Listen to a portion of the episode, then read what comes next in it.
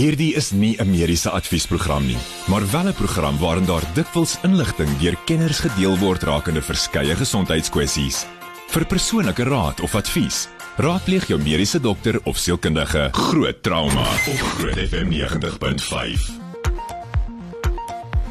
Ons kyk nou so 'n paar stories in die mediese front en ons hoor wat is dokter Jaco van die kerk sê opinie daaroor. Hierdie is groot trauma. Ek is Pieter Kloete en saam met dokter Jaco van die kerk trauma direkteur by Traumet 24 daar by Montana Hospitaal en ook sy eie praktyk in Montana. Jaco, lekker om jou weer te hê. Goeienaand Pieter, baie lekker om hier te wees. Jaco, is jou ehm um, waglys by jou uh as jy net sommer moet gaan spoed uh, en jou waglys sê 36237 mense wag op operasies. Wanneer gaan jy rus? ek dink mense gaan nie mense gaan slaaplose nagte hê. Ehm um, en daai is net meer as 36000 van van mense wat al reeds op 'n waglys is.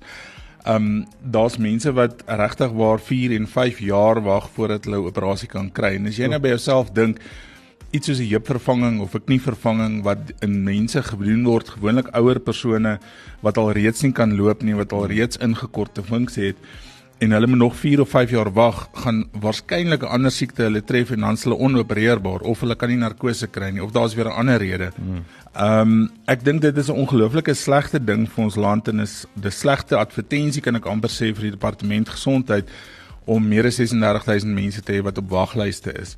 Nou daar's 'n klomp redes hoekom hulle dit ehm um, aanvoer, hoekom dit so is. Hulle sê daar's dan uit die aard van die saak die geskoolde persone wat dan land uitgaan of privaat sektor toe uit die aard van die saak die die teaterkomplekse wat nie in stand gehou word nie. Hulle selfs die COVID pandemie, maar ek dink dit dit kry oral die die skuld vir, vir alles. Ja. Ehm um, is is die skuld gegee. Ehm um, maar ek dink daar is ook 'n goeie deel agter hierdie hele ding. Ehm um, ek moet sê die die DA en die DA wat dan nou die die die woordvoerder is in hierdie in hierdie artikel sê dat daar wel 'n positiewe punt ook was en dit is dat daar 151 katarak operasies net in Oktober gedoen is. Mm. Nou dit is so die katarak wagtyd volgens die artikel is dan net meer as 2 jaar. Um en daai mense is blind, letterlik fisies blind. Um en dit is so 'n klein prosedure eintlik om so groot verskil in iemand se lewe te maak. Maar ek dink 151 operasies in 30 dae is ook nie te sleg nie. Um en ek dink mense moet ook die positiewe deel daarin sien. Mense moet nie net die negatief altyd sien nie. Um maar ja, daai agterstand is groot en ek weet nie of mense ooit um daarbey gaan kom nie en um hoeveel dit gaan kos om by by by daai hoeveelheid uit te kom nie. Ek dink daar's 'n groot persentasie van spesialiste en spesialistposte in die in die staatssektor wat ook nie gevul is nie. So daar's 'n groot klomp poste wat um eintlik meer gevul moet word sodat die operasies wel kan gebeur. Hmm. En dan is dit baie interessant. CNN sê dat Mpox wat eintlik monkeypox is, is amper weg in die VS aan dit laat lesse en raaisels in sy nasleep. En dat ek dink aan, weet hoe vinnig hierdie goed ehm um, weet virusse half net opvlam. Ehm uh, bang mense bang maak en ewe skielik is dit net so vinnig as wat hy gekom het so vinnig is dit weg. Jy weet as mens kyk na COVID ja. dit miskien nog 'n bietjie langer was en nog steeds met ons is maar nou nie weet uh, dis nou nie so erg soos wat dit was in 2020 byvoorbeeld nie. Mm. Ehm mm. um, wat maak jy daarvan dat weet hierdie virusse sommer net so kom en gaan? Ek dink daar's 'n groot ehm um, ek wil sê advertensie waarde ook aan hierdie virusse. Hmm. Ehm um, is 'n ding 'n mooi naam het en 'n ding ehm um, word opgeblaas baie keer in die media dan en en almal weet daarvan en almal praat daaroor, dan kry dit meer ehm um, advertensie of of ligtheid as wat dit verdien. Ehm um, en ek dink um, die die die die apokke is een daarvan, jy weet, ehm um, dis 'n klein persentasie van die mense wat wat wel groot blootstelling of groot risiko dra. Ehm um, en sover ek weet in Suid-Afrika is niemand oorlede as gevolg daarvan nie. En ehm um, ja, so ek dink ek dink daar's baie van hierdie siektes wat wat mooi name het en wat ehm um, net net te veel oor gepraat word. Hmm. Net nou gaan ons gou gesels oor ehm um, hoe verpleegsters onmenslik behandel word by by hospitale en en ons sorg 'n bietjie later gaan ons ook 'n bietjie by Gerry ook sommer hoor wat is sy ervaring hieroor. Is Gerry van Caressa so bly gerus ingeskakel daarvoor. En uh, dan ook uh, baie interessant jy weet eh, die chirurg generaal van die FSA sê 13 jaar oud is te vroeg om by sosiale media aan te sluit wat nog 'n ehm um, ook nog 'n lekker aan ehm uh, aanknopingspunt vir 'n gesprek kan wees. So bly gerus ingeskakel daarvoor. Onthou 'n bietjie later in die program het uh, gesels 'n bietjie oor dieetkundige of met 'n dieetkundige en ons praat 'n bietjie oor dieet. En uh, dan is dit ook aan die einde van die program tyd vir vrae vir Janko. So as jy enige mediese vrae het, jy meer as welkom vir ons te vra by 061 610 4576. Onthou standaard tariewe geld. Groot trauma met Pieter Kloete en dokter Jaco van die Kerk op Groot FM 90.5. Ons kyk na 'n bietjie nuus stories wat nuus gemaak het en ons hoor 'n bietjie wat is dokter Jaco van die kerk se opinie hoor. Dalk ek weet sommer wat jy gaan sê. Ek dink jy gaan definitief saamstem of intendeel dink jy gaan sê dis nog steeds te oud, maar nietemin 'n chirurg of die chirurg-generaal van Amerika sê dat 13 jaar oud is te vroeg om by sosiale media aan te sluit. Wat dink jy daarvan? Ek dink ek stem 100% saam met hom. Ek dink um, ons het nou al hoeveel keer in die verlede gesien dat sosiale media deesdae gebruik word vir mediese joernaaldoeleindes en dit is nie altyd die beste plek om jou inligting by te kry nie. Oh. En jonger persone um is baie meer vatbaar dink ek vir inligting wat hulle lees op sosiale media en baie meer beïnvloedbaar en ek dink definitief um hulle 'n punt B deur te sê ja, sosiale media het 'n negatiewe konnotasie in daai jong persone. Boonbehalwe dit, um ek dink die die emosionele kom uh, komponent ook van van boelie wat op op sosiale media platforms gebeur en en emosionele probleme wat mense ondervind as gevolg van sosiale media um veral in daai jong ouderdomsgroep is 'n groot probleem. En ons sluit af en ons kan bietjie net uh, net hier naby Gerry ook hoor wat sy opinie hoor. Maar ehm um, die LER sê dat daar nou 'n man blykbaar urine na 'n verpleester gegooi het en hy noem dit onmenslik. Hoekom word verpleegsters so behandel? Pieter, ek dink daar's in alle medisynebedrywe maar of of dele van die medisyne beroep, um is daar 'n gebrek aan respek vir die persoon wat vir hulp aanbied en veral in verpleegpersoneel. Um hierdie persoon het in 'n in 'n munisipale kliniek in Brakpan dan nou die urine na verpleegpersoneel het gegooi omdat hy gevoel het die pasiënte wag te lank en hy is ongelukkig oor dit sy opinie is dat dit ondoeltreffende diens is. Um baie keer dink ek die pasiënt weet ook nie wat die verpleegpersoneel dit moet doen alles nie, wat se administratiewe werke boonbehalwe die feit dat hulle na die pasiënt moet omsien, is daar ook 'n groot klomp administratiewe werk wat wettige aspekte is van hulle beroep um, wat ook moet aandag kry en uit die aard van die saak dit vat ongelukkig tyd. Ek dink daar's 'n tekort aan verpleegpersoneel en as gevolg daarvan is daar ook obviously lang wagtye. Ehm um, baie keer en dit is nie net 'n staatsprobleem nie. Ek dink in die private sektor is dit ook 'n groot probleem. Dis oral 'n groot probleem. Ehm um, maar ek dink daar's geen maar geen rede hoekom jy iemand met so min respek moet behandel nie. As jy nie self daai daai ervaring wil hê nie en self wil staan waar iemand jou gooi met urine nie, hoekom doen jy dit met iemand anders?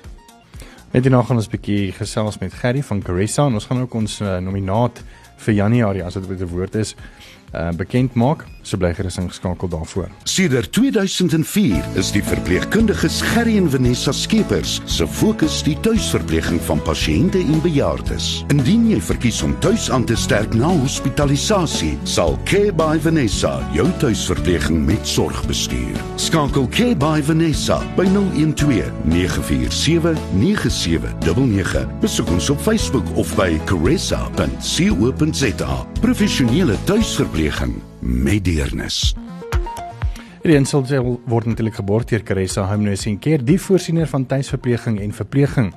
Ken jy 'n verpleegster of 'n sorger wat gereeld sy of haar pasiënte se lewe verryk of het jy self kennis van versorging deur hierdie persoon? Help ons dan om aan hierdie mense erkenning te gee. Hierdie verpleegsters en versorgers. En al wat jy moet doen is baie maklik, is om 'n geregistreerde verpleegster of versorger te nomineer en hy of sy moet natuurlik in Pretoria woon en in die afgelope 2 jaar verskil in iemand se lewe gemaak het. Jy kan jou nominasie per e-pos stuur na grootverpleegster@caressa.co.za of besoek sommer net Caressa se webblad. Ek sien op die tuisblad is ook 'n skakel wat jy kan klik om uh, in te skryf. Dis caressa.co.za. Met jou motivering oor hoekom jy hierdie persoon nomineer en hy of sy staan 'n kans om 'n maandelikse finalis te word, wie ons nou binnekort gaan aankondig.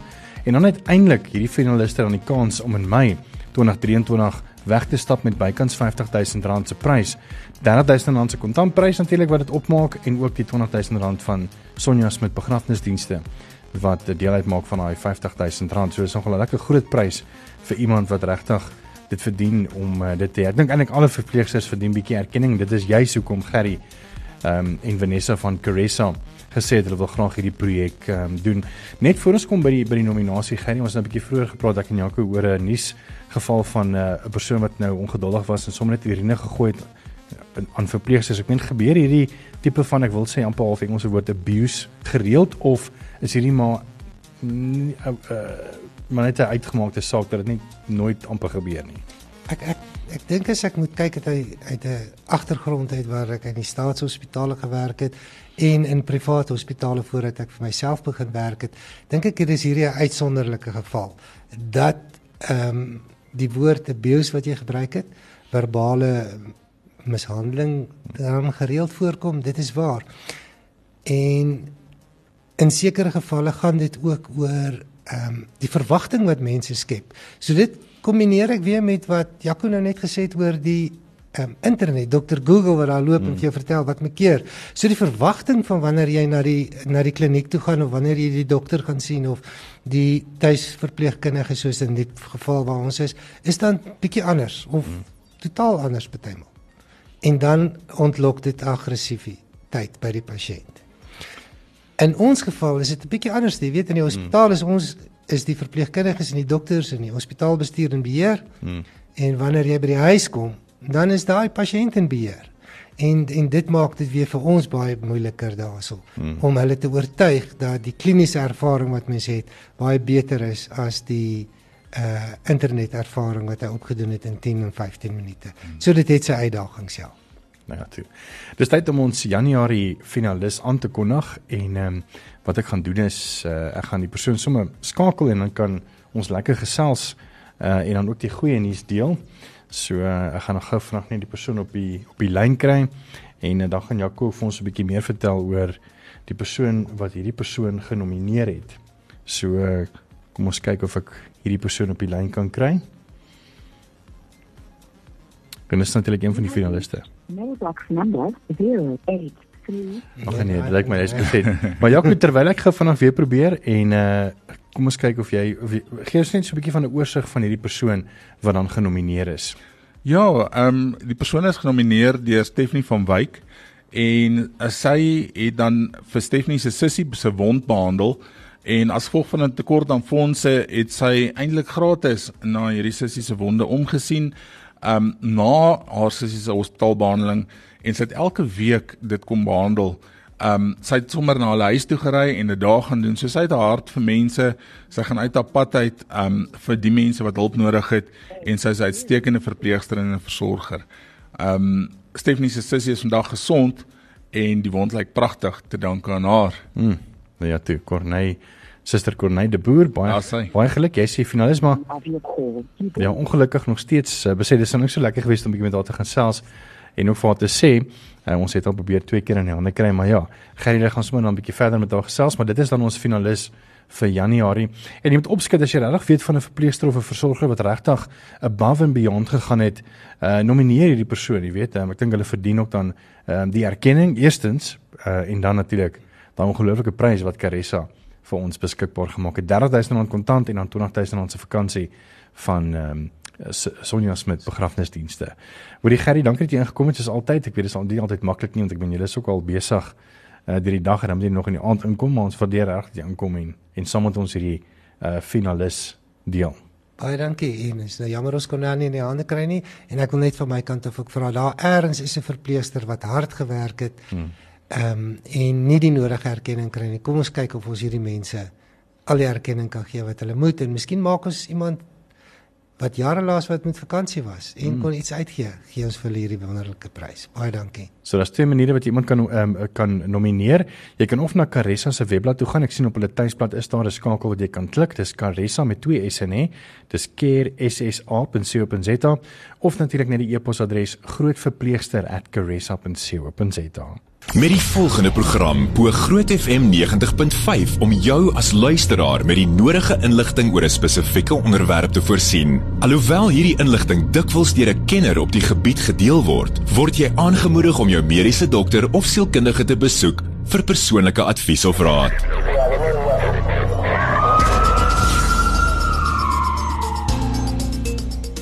Dis groot drama. Ek is Pieter Kloete saam met Dr. Jaco van die kerk uh en ons gaan binnekort 'n bietjie gesels met Chanel Retief. Onthou as jy enige mediese vrae het vir Jaco aan die einde van die program is jy meer as welkom. Stuur daai vrae na 061 610 4576 toe en ook daai selfde nommer as jy dalk 'n vraag het oor uh dieet vir ons dieetkundige. En ek kan maar lekker moeilike vrae vra as jy wil. Ook dieselfde nommer 061 610 4576 onthou standaard tariewe geld. So saam met ons in die ateljee is Chanel Retief en sy is 'n geregistreerde dieetkundige en ook uh, die die persoon ehm um, die skakelpersoon van Atsa. Eerstens welkom Chanel, lekker dat jy hier so is en wie is Atsa en wat is doen hierdie organisasie? Uh, dankie Pieter, is baie lekker om hier te wees. Ek's baie opgewonde. Ja, so ek is narratief, ek's 'n geregistreerde dieetkundige en soos jy gesê het 'n skakelpersoon vir ATSA wat um, staan vir die Association for Dietetics in South Africa. Ehm um, ja, mooi Engelse woord. So wat dit basies beteken is dit is die assosiasie wat seker maak um, wat ons verteenwoordig, maar ons ehm um, weet dit is in ons en ons die pasiënte, maar ook ander kant toe. So hulle help die pasiënte en hulle help ons as dieetkundiges en ehm um, hulle help ons ons natuurlik dat ons by op um, op die regte um pad by met ons regte scientific inligting en so aan en dan ja, soos ek sê hulle verteenwoordig ons. So wat doen 'n dieetkundige? Want ek weet ons almal, meeste mense het het van dieetkundiges te hoor gekom met Elton Jantjies. Jy weet en maar niemand weet wat is 'n dieetkundige nie. Vertel bietjie vir ons wat is 'n dieetkundige? Ongelukkig is jy heeltemal reg met daai ja. Ehm um, ja, so ons kan ons doen baie goetertjies. Ehm um, ek myself werk in die oggende in die in die ICU, so ons doen baie ehm um, critical care nutrition noem ons dit. So as iemand dalk nou nie self kan eet of so nie, ehm um, sit die dokters vir ons se buis in en ons werk uit presies wat se voedings om vir daardie persoon te gee. Maar afgesien van dit doen ons ook baie buite pasiënte um weet um, konsultasies en so aan waar ons mense help wat moet gewig verloor, wat wil gewig verloor, um mense wat diabetes is, miskien mense met IBS. Um ek sien nogal um deesdae verskriklik baie kinders wat sport doen wat nie presies weet hoe om te eet, wat om te eet want hulle het net een pouse by die skool en mm. daai tipe goedjies. So ons help hulle met dit. Um ja, so ons kan ook um ons praat partykeer by skole doen ons soms praatjies en ja, al sulke tipe goedjies so bevorder um nutrition en um voeding en dieete in die in Suid-Afrika. En ek dink julle word ook gebruik by um baie kettingwinkels uh, of restaurante deesdae om uit te werk weet hoeveel kalorieë en wat in sekere kosdisse is ja, waar. Ja, definitief. So so deel van ons graad um doen ons ook die food service om nou die Engelse term te gebruik. So daar is ons baie betrokke oor uh, hoe jy kan kos maak, hoe jy kan kos verbeter, minder sout, minder vet, al daai tipe goedjies. En dan soos jy sê op verskillende by die verskillende restaurante kan ons hulle ook help deel. Ja, ek dink ehm um, dieetkunde is 'n ding wat wat eintlik meeste van ons in medisyne te min van weet.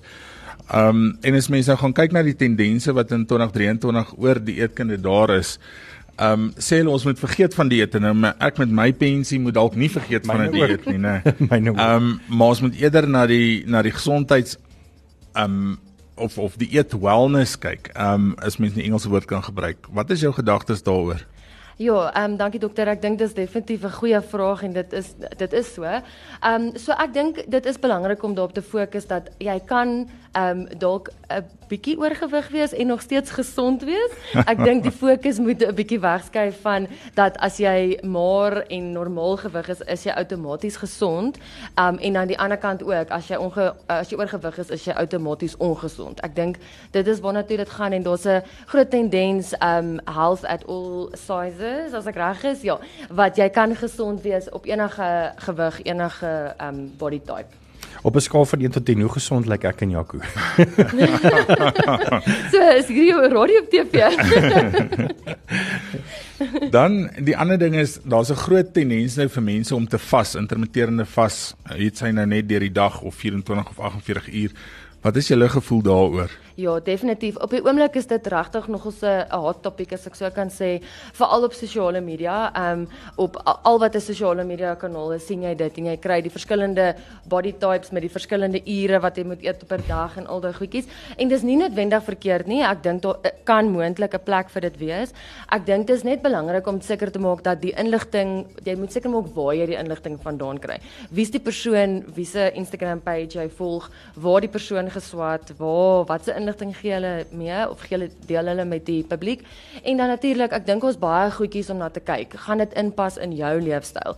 Ehm um, gaan hoe gaan dit inpas met jou familie, met jou vriende, al daai tipe goedjies. Ehm um, en dan ook 'n ding 'n rooi 'n groot rooi vlaggie vir my is gaan kyk na die na die net maar die Instagram page en so. Ehm um, maak hulle geld uit jou uit of gee hulle net die inligting deur? Ek dink daai is nogal iets belangrik om op te fokus.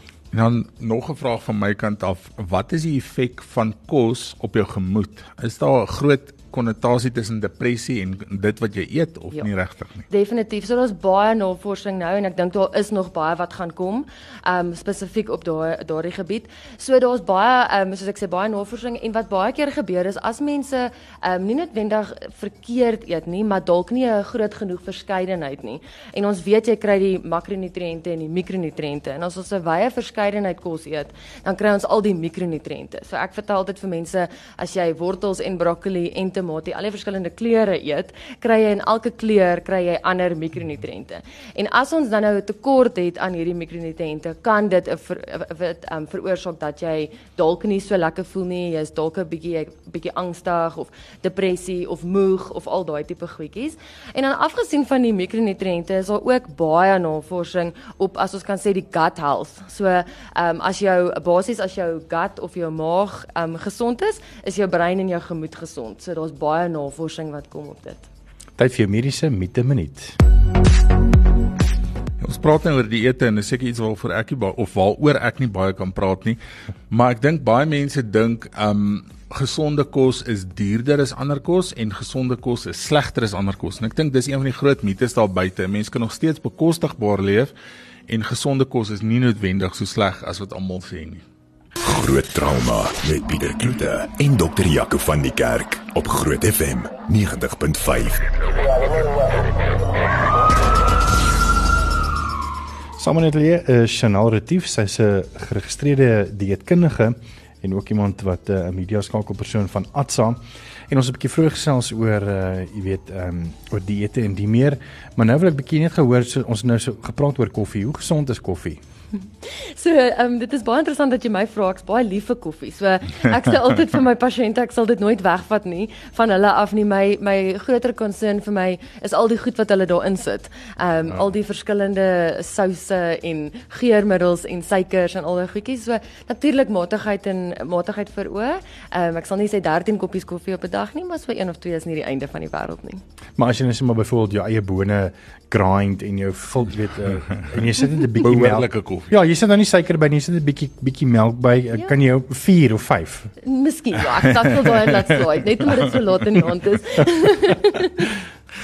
ek dink daar's 'n daar's 'n groot tendens ook dat mense sê um hulle dink aan 'n voedsellose toekoms. Sure. Um waar hulle net um, voedingssupplementasie wil gebruik en en en medikasie en protein shakes ensovoorts. En as mense na die apteke gaan kyk, dan is die dispensary eintlik net daai klein rytjie agter in die apteek en die res is alles voedingsmiddels en vitamiene, minerale en protein shakes en wat ook al. Wat is julle gedagte daar rondom? Ja, definitief. Dit is definitief iets wat ons al hoe meer begin sien. En ek dink die groot rede daarvoor is dit is gemaklik en vinnig en almal van ons leef 'n baie gejaagde lewe en leefstyl. So ek dink dis 'n groot rede daarvoor. Ehm um, maar ons sien dit as presies wat jy nou gesê het is 'n supplement. So dit is nie die einde en die, eh, die begin en die einde van 'n die dieet nie. Dit moet letterlik daar wees om jou gesonde goeie dieet te supplement. So ek verduidelik altyd vir mense as jy dink aan 'n troue met by 'n trou met 'n troukoek en dis al die verskillende lae en jy het nou die mannetjie en die vroutjie bo wat nou getrou het, die daai poppietjies. Ehm um, natuurlik as die poppietjies nie daarbo is nie, gaan die troukoek nog steeds mooi lyk. Maar jy sal nooit net die mannetjie en die vroutjie daar op die tafel sit nie, dit gaan bietjie vreemd lyk. En dit is presies hoe supplements werk saam met jou dieet. So as die onderste laag nie reg is nie, as jou eet is deur die dag met jou um, mikronutriënte, makronutriënte, selfs bietjie oefen, al daai goedjies in jou leefstyl nie daar is nie, is dit nie nodig vir die supplements nie. Supplements kan nie al die ander goed vervang nie. Nee, jy het nou gepraat van oefening want baie mense sê as ek gaan oefen, dan kan ek maar 'n bietjie kroek, jy weet, op mm. my dieet. Ehm um, maar is die eet nie belangriker as die oefen nie? Ek weet oefen is belangrik, maar jy gaan nie noodwendig nou 20 kg verloor in 6 maande omdat net omdat jy oefen Ja, nie. definitief. So ek dink ons moet baie um, ons moet wegbeweeg van ek oefen sodat ek kan eet en en eerder fokus op ek eet want ek wil oefen. So ek uh, dink dit hang ook baie af van wat doen jy? Watse oefening doen jy? Doen jy 'n paar keer aan op 'n naweek en jy stap dalk in die week? Dit is great, dis awesome. Ek's baie dis regtig goed. Ek's baie trots op jou. Maar as jy oefen vir die Comrades of jy oefen vir die Ironman, is dit natuurlik 'n heeltemal 'n ander situasie. So dit is waar 'n dieetkundige kan definitief 'n groot rol speel, nie net vir ehm um, by die sê maar die event soos die Comrades of so nie, maar ook definitief by die na die tyd om te herstel en reg te eet hierdie week. So ja, mens kan dalk soos jy sê 'n klein bietjie meer kroek, maar dit hang af wat is jou doel? Is jou doel om gesond te wees? Is jou doel om Comrades te wen? Is jou doel wat waar gaan dit vir jou? Nou die ander ding is daar's 'n groot klomp mense wat byvoorbeeld ek noem nou 'n voorbeeld, sê jy moet 'n proteïen dieet volg en jy moet net die proteïen dieet volg en jy moet niks anders eet nie, maar koolhidrate is nie noodwendig altyd sleg nie en jy het dit ook nodig. Ja. Of is ek verkeerd? Nee, definitief. Um, jy is heeltemal reg. So dit is definitief 'n rooi vlaggie. Ek ek leer dit altyd vir my pasiënte as as iemand 'n hele voedselgroep uitsny, dan is dit 'n rooi vlaggie. Dit is nie wat ons wil sien nie, dis nie wat ons wil hê nie. Um ons glo in gebalanseerde dieet. Ja, daar's sekere situasies waar 'n mens 'n bietjie meer vet of 'n bietjie meer proteïene of 'n bietjie minder stysel sal voorstel, maar ons sal nie sommer die hele voedselgroep uitsny nie. Dit is definitief nie aanvaarbaar en wat ons wil hê nie. Sien, nou kan ons maar roomys eet want dan hmm. ons suiwel en koolhidrate en alles sommer alles in een. Dis eintlik 'n gesonde gebalanseerde dieet. ja. Exactly. Ja, maar dit is so mense mense sê mense het maar hierdie bietjie hierdie hierdie cravings weet my uh as want as my as mense as 'n man se vrou op 'n dieet is dan is die hele huis mos eintlik op 'n Dit dieet. is net so. So um, ek het nou hierdie la- hierdie week 'n bietjie van 'n craving gehad net vir 'n lekker aartappel man, soos 'n bietjie mash, maar uh, oh, en En dan is almal moeilik. Dan is almal moeilik as ek nou 'n aartappeltjie moet. so so dit is nie altyd sleg om miskien ook 'n aartappeltjie te eet en so nie. Nee, en ek dink dit is ook waar dieetkundiges definitief 'n rol kan speel is met die die, die inligting daar buite. So dit is nie te sê dat die ar arme aartappel nou van die van die hel afkom nie. Dit is nie so nie. Maar hoe maak ons nou die aartappel gaar? Hoe eet wat eet ons saam met die aartappel? Wat het ons geëet by die ete voor hierdie ete? Gaan ons dalk puddingkie eet saam met hierdie ete? So al daai tipe goedjies maak 'n verskil. Waar mense is baie maklik om een spesifieke kos of een voedselgroep um al die skuld in die wêreld te gee en dit is nie so nie. En dan net nog 'n vraag wat ek vir jou het is um, weet Jaco het actually baie goed geantwoord um, laasweek en ek het nogal bietjie gedink daaroor ek, ek en en Jaco ek dink jy spot on om te sê dat weet is omdat 'n mens weet ehm um, verskillende um, kulture het en die meer het, het is die dieete natuurlik baie verskillend en deesdae weet kry mense mos maar meer mense wat miskien ook eerder vegetaries is uh, of vegan.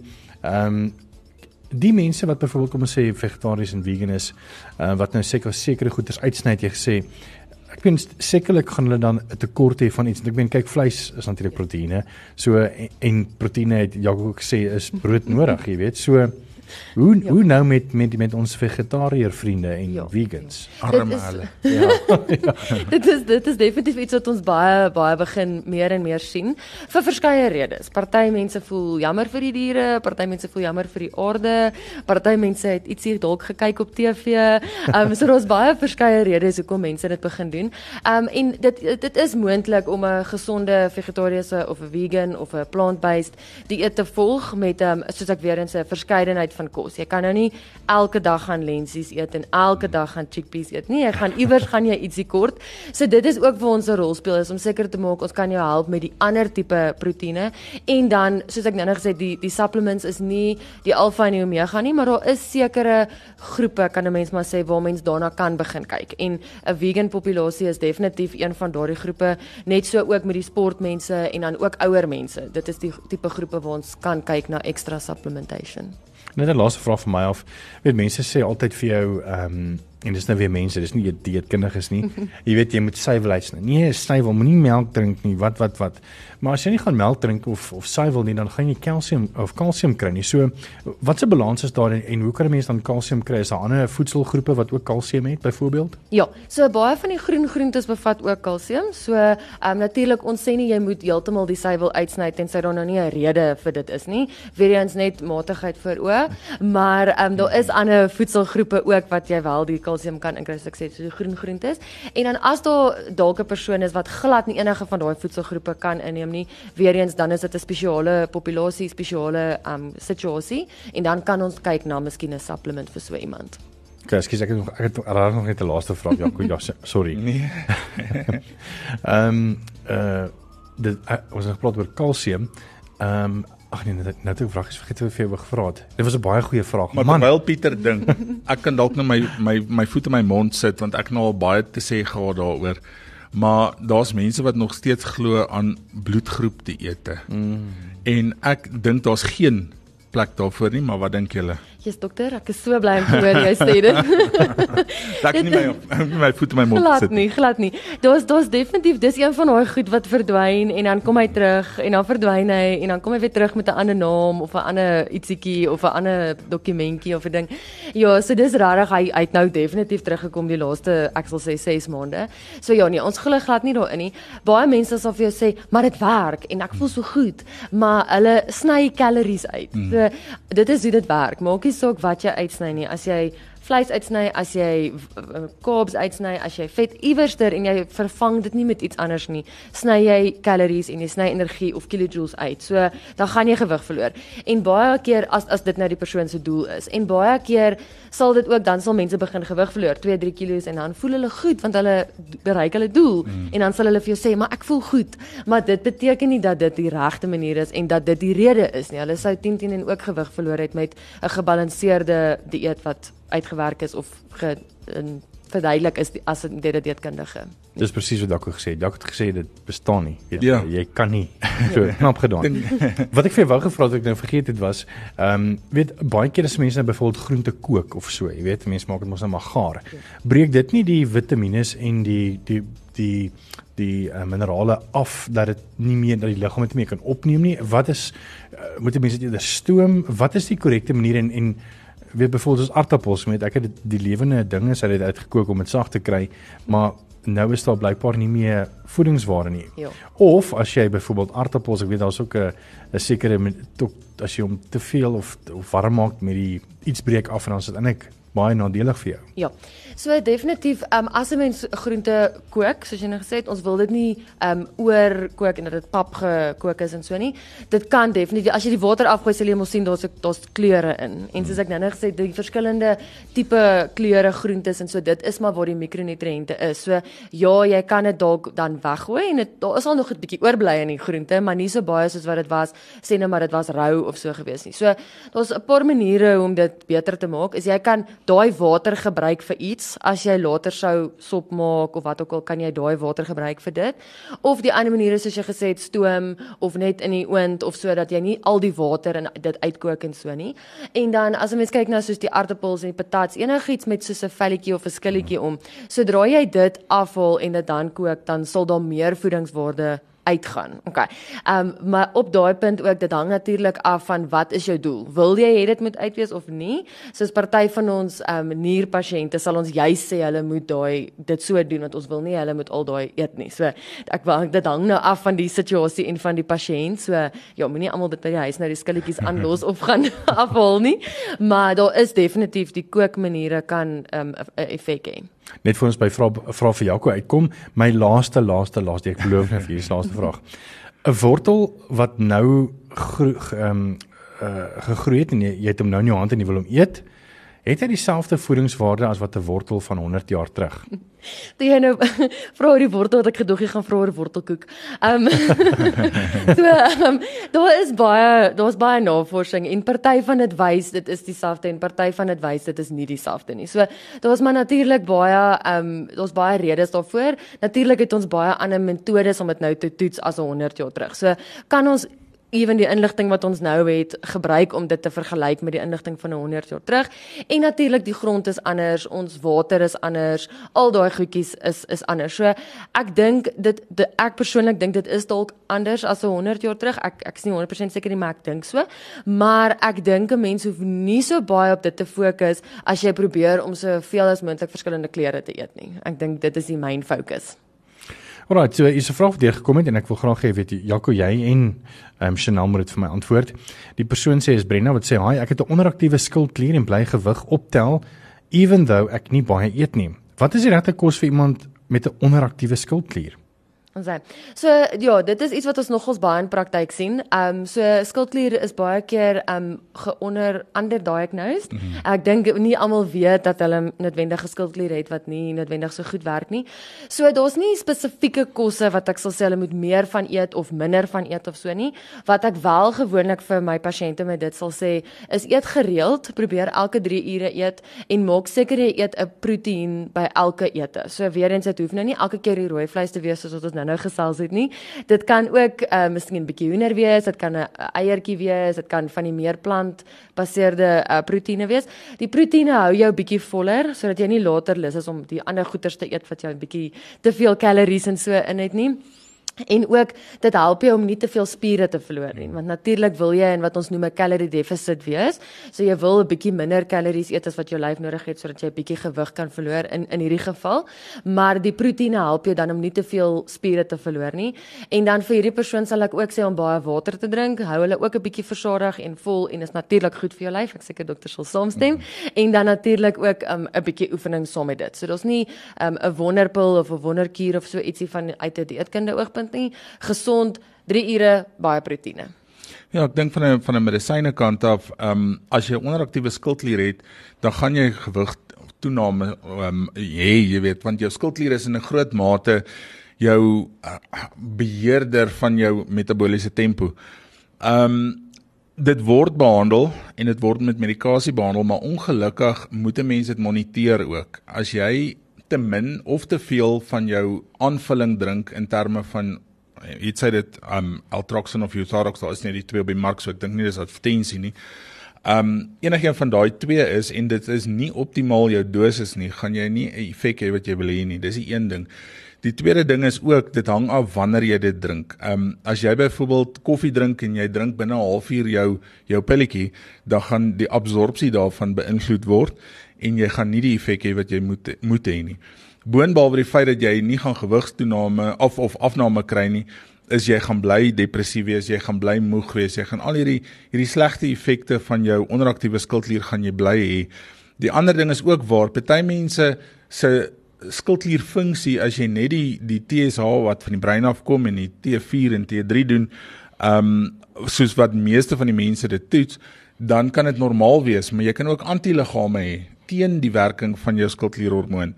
Um en en en dit is belangrik om ook daarna te kyk want baie keer is mense baie ek wil sê hulle hulle verloor moed omdat hulle dan ag my skildklier is normaal, maar eintlik het hulle dan 'n groot um tiroïed antiliggaam probleem, het sy Hashimoto of wat ook al die geval mag wees en dan het jy nog steeds die effek van 'n onderaktiewe skildklier. Ons tyd is ongelukkig op en ons nog een vraag wat ek net wil hê is met so beide 30 sekondes max. Maar ehm um, Sherry wil weet wat sou julle sê van intermittent fasting? Skus, is baie baie vraag, maar dalk net kortliks. OK. So ek dink dit is 'n dis 'n baie goeie 'n goeie vraag en ek dink dit is op die oomblik baie groot op sosiale media. So natuurlik um, wonder mense maar daaroor. Um ek dink nie dit is noodwendig reg of verkeerd nie. Ek dink dit hang baie af van van die van die persoon. Gaan dit inpas by jou leefstyl en so aan. Um en ek dink ook dan is dit belangrik om seker te maak dat jy die regte inligting kry en dat jy nie net gaan volgens sosiale media want dis waar jy dit raak gelees het nie. Um diskus dit met jou dokter of jou dieetkundige. Ek dink dit is baie individueel. Ehm um, jy weet 'n mens gaan dit byvoorbeeld nie vir 'n nierpasiënt aanbeveel nie. Jy gaan dit nie vir 'n swanger vrou aanbeveel of 'n ouer persoon of 'n jong kind wat wat wat groei nie. Ehm um, maar daar is goed goed en sleg aan aan enigiets dink ek in die in die wêreld. So definitief is daar goed ook in. Ja, ek dink hou net op om vir dokter Google te gebruik. Ek weet ja. nou sê. Hoorie so dit was uh, Chanel Retief, sy's 'n geregistreerde dieetkundige in Pretoria en ook uh, die media persoon vir Atsa. Natuurlik dokter Jaco van die kerk, uh, mede-aanbieder van groot trauma van Trauma 24 by Montana Hospitaal en ook sy eie praktyk in Montana. Ons is volgende week weer terug. Groot trauma met Pieter Kloete en dokter Jaco van die kerk op Groot FM 90.5.